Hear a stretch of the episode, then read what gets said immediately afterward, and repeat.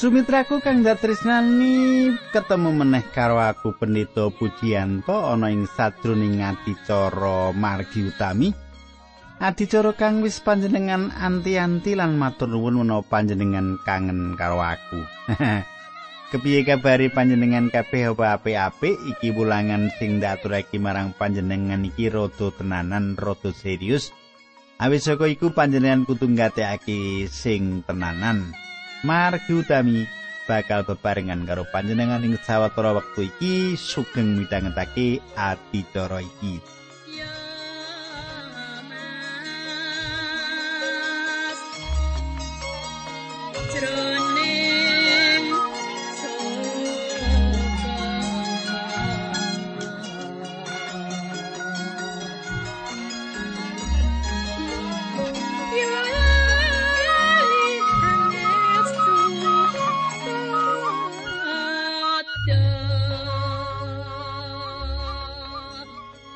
Katanggu apa panjenengan isi kelingan apa sing diaturake nalika kita ketemu kepungkur kae? Aku bakal ngringkes marang panjenengan supaya panjenengan isi kelingan nalika kepungkur kita wis nyemak kepiye Gusti Yesus meratelake yen para murid kagungani bakal asukurna awit Gusti Yesus marang Sang Rama sebab Sang Rama iku luwih agung tinimbang panjenengani. Banjur teruse kepriye lan bakal kita semak ana ing patemon kita iki nanging sadurunge kuwi kita ndedonga dhisik. Duh Kanjeng Rama ingkang adhedhampar wonten kraton ing kasuwargan.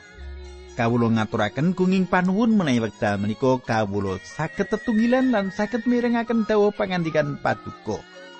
Kawula nyuwun supados kawula sami paduka jebati kanthi Sang Roh Suci Paduka Kadi mangkaten menapa ingkang dados pikan paduka menika sageta kawula candi lan kawula lampahi wonten ing lampah gesang kawula. Dinambaran asmanipun Gusti kawula Yesus Kristus kawula ndedonga haleluya amin.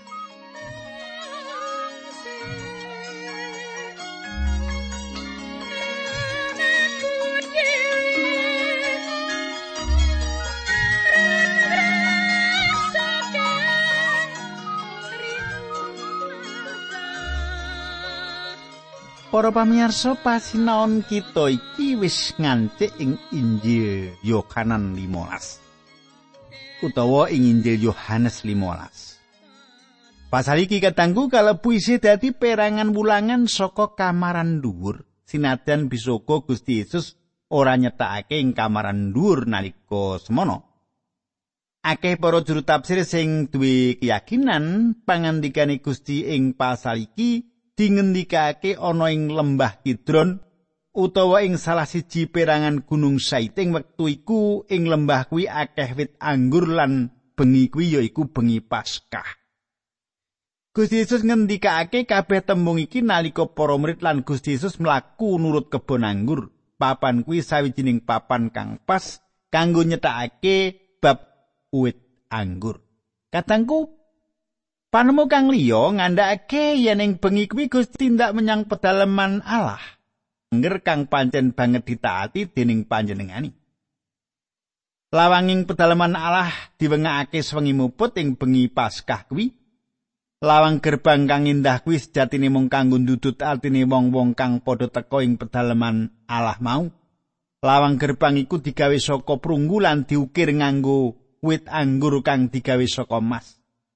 Wit anggur kuwi dadi lambang bangsa Israel kaya kang dicetakake ana ing Jabur 80 ayat 9 nganti 10. Kala rumiyin paduka ngasta wit anggur saking tanah Mesir, bangsa-bangsa ing ngriki paduka tundung, tanahipun lajeng paduka tanemi wit anggur wau. Sitinipun paduka cawisaken oyotipun nencep lebet ing siti mila anggenipun ngrembaka ebaki negari. Banjur ing Hosea 10 ayat 1 katulisan umat Israel kuwi kaya wit anggur sing metokake woh akeh. Katangku, tembung sejati ing ayat iki sak benere ateges asli utawa bener. Sawijining perkara disebut bener yen perkara mau nglewati apa kang luput utawa tiron. Kita wis tau nemokake tembung kang padha kang digunakake ing sajroning Injil Yohanes. Yohanes Pembaptis disebutake minangka wong kang nyunarake pepadang, sawetara Gusti Yesus Kristus yaiku pepadang kang bener. Nabi Musa menehi roti ing ora samun nanging Gusti Yesus Kristus iku roti kang bener. Gusti Yesus Kristus iku roti kang bener. Dadi ana ing kene Gusti Yesus ngendika, "Aku iki wit anggur sing sejati, wit anggur kang asli." Kadangku, para murid duwe pikiran Yahudi lan pikirane dikuasani dening perjanjian lawas. Ana ing kene Gusti Yesus meratelake yen bangsa Israel kuwi dudu wit anggur kang asli. Dudu wit anggur kang bener. Kegayutan antarane para murid karo bangsa Yahudi lan agama Yudaisme dudu perkara kang penting. Perkara kang penting saiki kanggone para murid yaiku para murid duwe gegayutan kang cedhak karo Gusti Yesus Kristus. Yaiki owawan pikiran kang banget dening revolusioner. Katangku, Gusti Yesus nggunakake gaya basa kang indah banget. Panjenengane nyetakake babagan gegayutan karo agama utawa karo sawijining organisasi dudu perkara kang penting. Awit kang paling penting yaiku kita duwe gegayutan karo Sang Kristus. Kita ana ing sajroning Sang Kristus lumantar baptisan Sang Roh Suci nalika pracaya marang Sang Kristus minangka juru slamet kita lan lahir meneh minangka putrane Allah. Sebanjuri panjenengan gatekake tembung iki ramaku sing ngupakara kebon anggur mau. Katengku, tembung-tembung iku sawijining tembung kang ngagetake. Ana ing perangan perjanjian lawas lan ing sadroning pasemon, Gusti Allah kuwi kang kagungan kebon anggur. Ana ing ayat iki panjenengane kuwi kang ngrumat kang tani ngopeni kang ngurus wit anggur iku. Gusti Yesus iku wit anggur kang sejati kang bener lan Sang Rama kang gatekake panjenengani. Katangku, ing sajen lawas diweca yen Gusti Yesus iku bakal tubuh ing ngarsane Sang Rama minangka semen kang alus lan tubuh ana ing lemah kang garing. Panjenengan bayangake kaya ngapa asringi Sang Rama mulungake astane nyelametake Gusti Yesus saka si pengawak Drusila kang budidaya nyirnakake panjenengani. Sang Rama yaiku panjenengane kang gatekake wit anggur iku lan panjenengane bakal ngrumat pang-pange uga. Pang-pang uga kudu gegayutan karo Sang Rama. Apa sebabe? Supaya bisa metokake woh. Ana telung tembung kang penting banget kang bakal kita sinau karo mlaku. Saiki ayat loro saben pang kang ana ing aku kang ora metu woe dipages lan kang metu woe diresiki supaya mundhao akeh woe. Katanggu. Tembung kawitan yaiku ing aku. Lirik ing sadrone Sang Kristus iku tegese dislametake. Ana tembung-tembung kang dhuwur banget kaya to ganti, kaya to karukunan, kaya to panebusan, kanggo nyetake tahap keselamatan.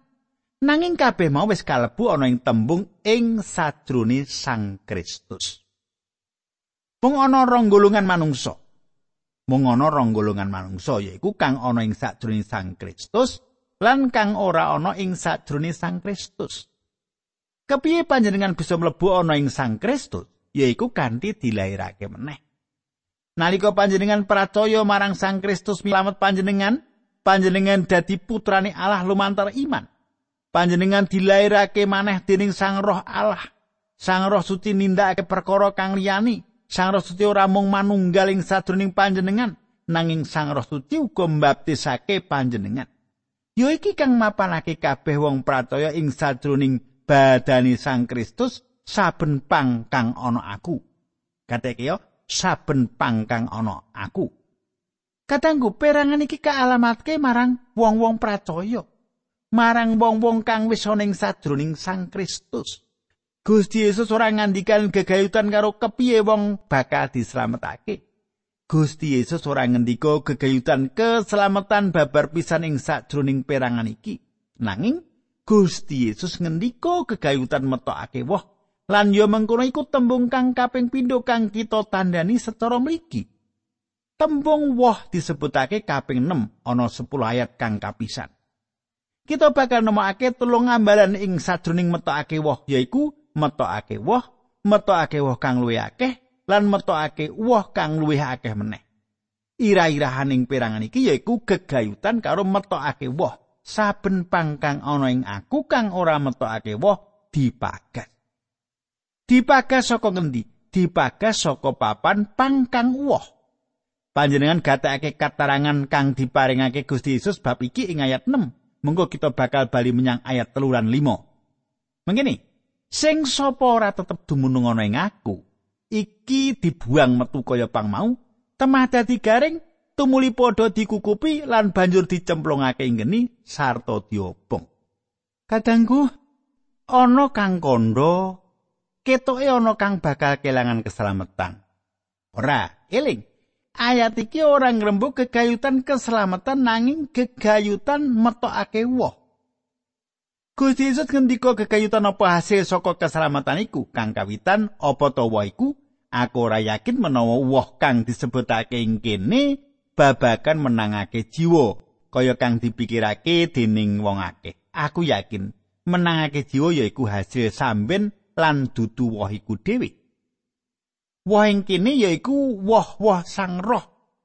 Layang Galatia 5 ayat 23 nganti 23 dene woh ing roh yaiku katresnan, kabungahan, tentrem rahayu, sabar sareh, para marto, kabecikan, setya, alusing bebuden bisa ngemudeni diri. Yaiku woh ing sajroning uripe wong percaya. Manunggali ing sadruning Sang Kristus. Panjenengan bakal ngasilake tansah ndedonga woh kang tetep lan sukorno kasuwargan. Tak suwun panjenengan cetha aja malah ora jelas ya nek ora cetha panjenengan iso telepon aku utawa takok nganggo layang. ya. Wah, wong pancen ajaran Gusti iki ngene iki kaya kudu digatekke sing tenanan. Saiki tak teruske ayat pitu ya. Yohanes 15 ayat pitu. Menawa kowe padha tetep dumunung ana ing aku lan pituturku tetep dumunung ana ing kowe, padha nyenyubuna apa wae kang kok karepake mesti bakal keturutan. Kadangku. Ayat iki ateges kudu tansah ndedonga. Jenengan sering ndedonga apa ora? Kudu ndedonga ya. Ayat 8. Kang dadi margane ramaku kalurake yaiku menawa kowe padha metokake woh akeh sarta marga saka mengkono kowe padha tetelo yen dadi siswaku. Ayat iki ateges woh kang tetep. Ayat 11. Kabeh iku ndak tuturake marang kowe supaya kabungan kudu mununga ing kowe lan kabunganmu dadi sampurna. Kadangku, pangandikan iki ateges sukurna utawa kabungan kasuwargan. Menawa wong duwe woh kang kaya mengkono iku sajroning uripe, Dewe bakal nggawa wong liya marang pangayunane Allah kanthi uripe dhewe. Prakara kuwi wis mesti wae andhateke menangake jiwa iku minangka hasil samben. Saben pang ing aku kang ora metokake woh dipagat. Panjenengane ngersakake kita ana ing urip kita iki metokake woh. Menawa ana pang kang ora metokake woh, kepiye panjenengane anggone magas? Salah sijine cara anggone panjenengane magas ya kuwi kanthi mindhahake wong iku saka papan kang metokake woh. Aku kenal sawetara wong kang saiki minggir awit wong-wong mau ora maneh ana dayane kanggo Gusti Allah. Ana akeh para abdi Gusti kang kaya mengkono kuwi lan uga wong-wong biasa kang uga kaya mengkono kuwi. Mindhahake pang kang kaya mengkono ora teges pang-pang mau kelangan keselamatan. Nanging pang-pang mau dipagas saka papan kang metokake woh. Katangku, kala-kala nggone mindahake saka papan kang metokake woh iki ateges pati. Pati secara jasmani. Aku yakin yaiku kang dikarepake dening Yohanes. Yaiku ing sadroning siji Yohanes 5 ayat 16. Nalika Yohanes kondo yen ana dosa kang nekake pati. Wong Kristen bisa terus nindakake dosa nganti Gusti Allah bakal mindhahake wong iku saka papan kang metokake woh kanthi agawe wong iku mati. Ananias lan Sapira dipindahake kanthi cara mati ing gereja kang kawitan. Kang ing wektu kuwi gereja iku suci, gereja kang metokake woh. Kapindho, wong kang duraka iku ora bisa tetep ana sajroning gereja. Aku kuwatir menawa wong-wong kang urip ing jaman iki, wong-wong mau bakal bisa nglakoni urip kanthi tentrem nanging Gusti Allah ora ngejarake wong-wong mau urip tentrem ing jaman gereja kang kawitan kang metu wae diresiki supaya mundha akeh woe. Tembung Yunani kang dinggo ateges diresiki. Sawetara wong nganggep yen tembung kuwi ateges dipagas lan Gusti Yesus pendhake perkara iku nanging tegese kang sebenere yaiku ngresiki. Kadangku ora perlu mangu-mangu. Gusti nindakake magas sing kini, magas motong, Gusti Yesus mlebu ana ing sajroning urip kita lan magas perkara-perkara kang luput lan kala-kala patrapiku nglarani. Gusti Yesus magas perkara-perkara kang malangi kita metokake woh. Aku bisa nyaritake kegayutan perkara iku pancen nglarani. Salah siji alasan putra-putrane Allah kang akeh yaiku tatu ing sadurunge dhewe nalika dipagas. Awit wong-wong mau pancen adoh karo Gusti Allah, adoh karo patunggilan. Tambah cedhak karo Gusti Allah, tambah setitik rasa larani. Aku kelingan jaman aku isih cilik, aku karo sawetara kancaku asring bolos sekolah. Aku lan kanca-kancaku ninggal buku ana sekolah, banjur padha mlayu menyang kali sak perlu mancing. Senajan aku kabeh ora bisa etuk iwak, nanging aku padha seneng. Ing jam sekolah aku padha bali menyang sekolah njupuk buku kang ditinggal, dadi wong tuaku padha ora ngerti yen aku padha bolos. Aja ditiru ya. Sebab kuwi nalika aku padha teko arep njupuk buku, kepala sekolah mau nekani aku sak kanca lan kondo bocah-bocah. Aku seneng ketemu kowe kabeh ana kene.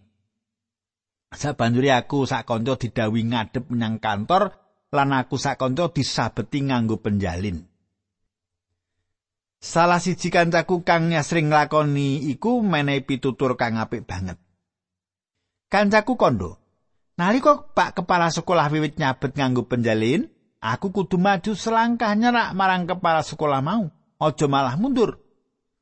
tambah nyedak karo tangane Pak Kepala Sekolah mau, mula rasa larane bakal sudo. Dadi nalika penjalin mau kena ing awak kapisanan, aku ora malah ngedoh nanging malah tambah nyedak marang Pak Kepala Sekolah mau.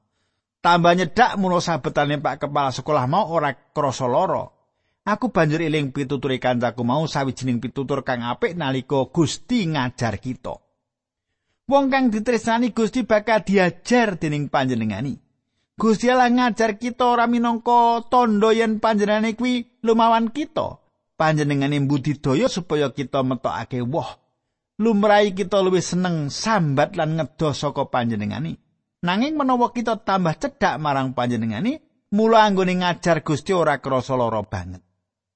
Nanging kadangku tembung diresiki ngayat iki pancen secara hurufiah ateges resik.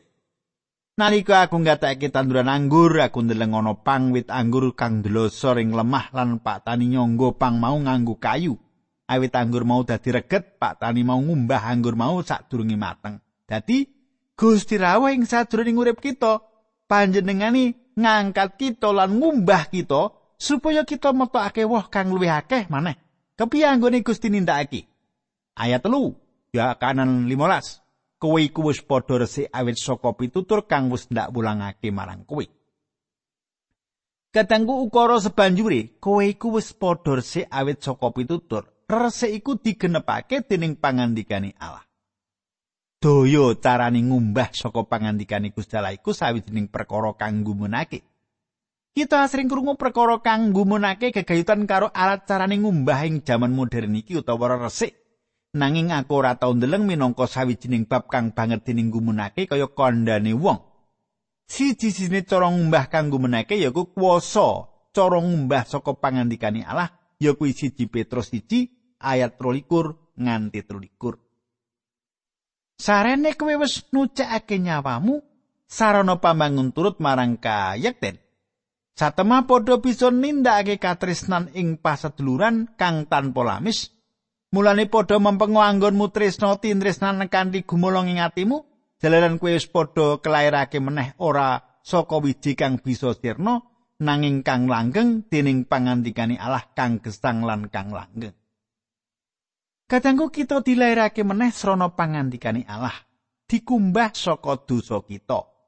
Sebanjuri anggon kita lumaku ana ing lakuning urip kita, kita dadi reget lan butuhake pangandikane Allah kang tansah ngumbah kita.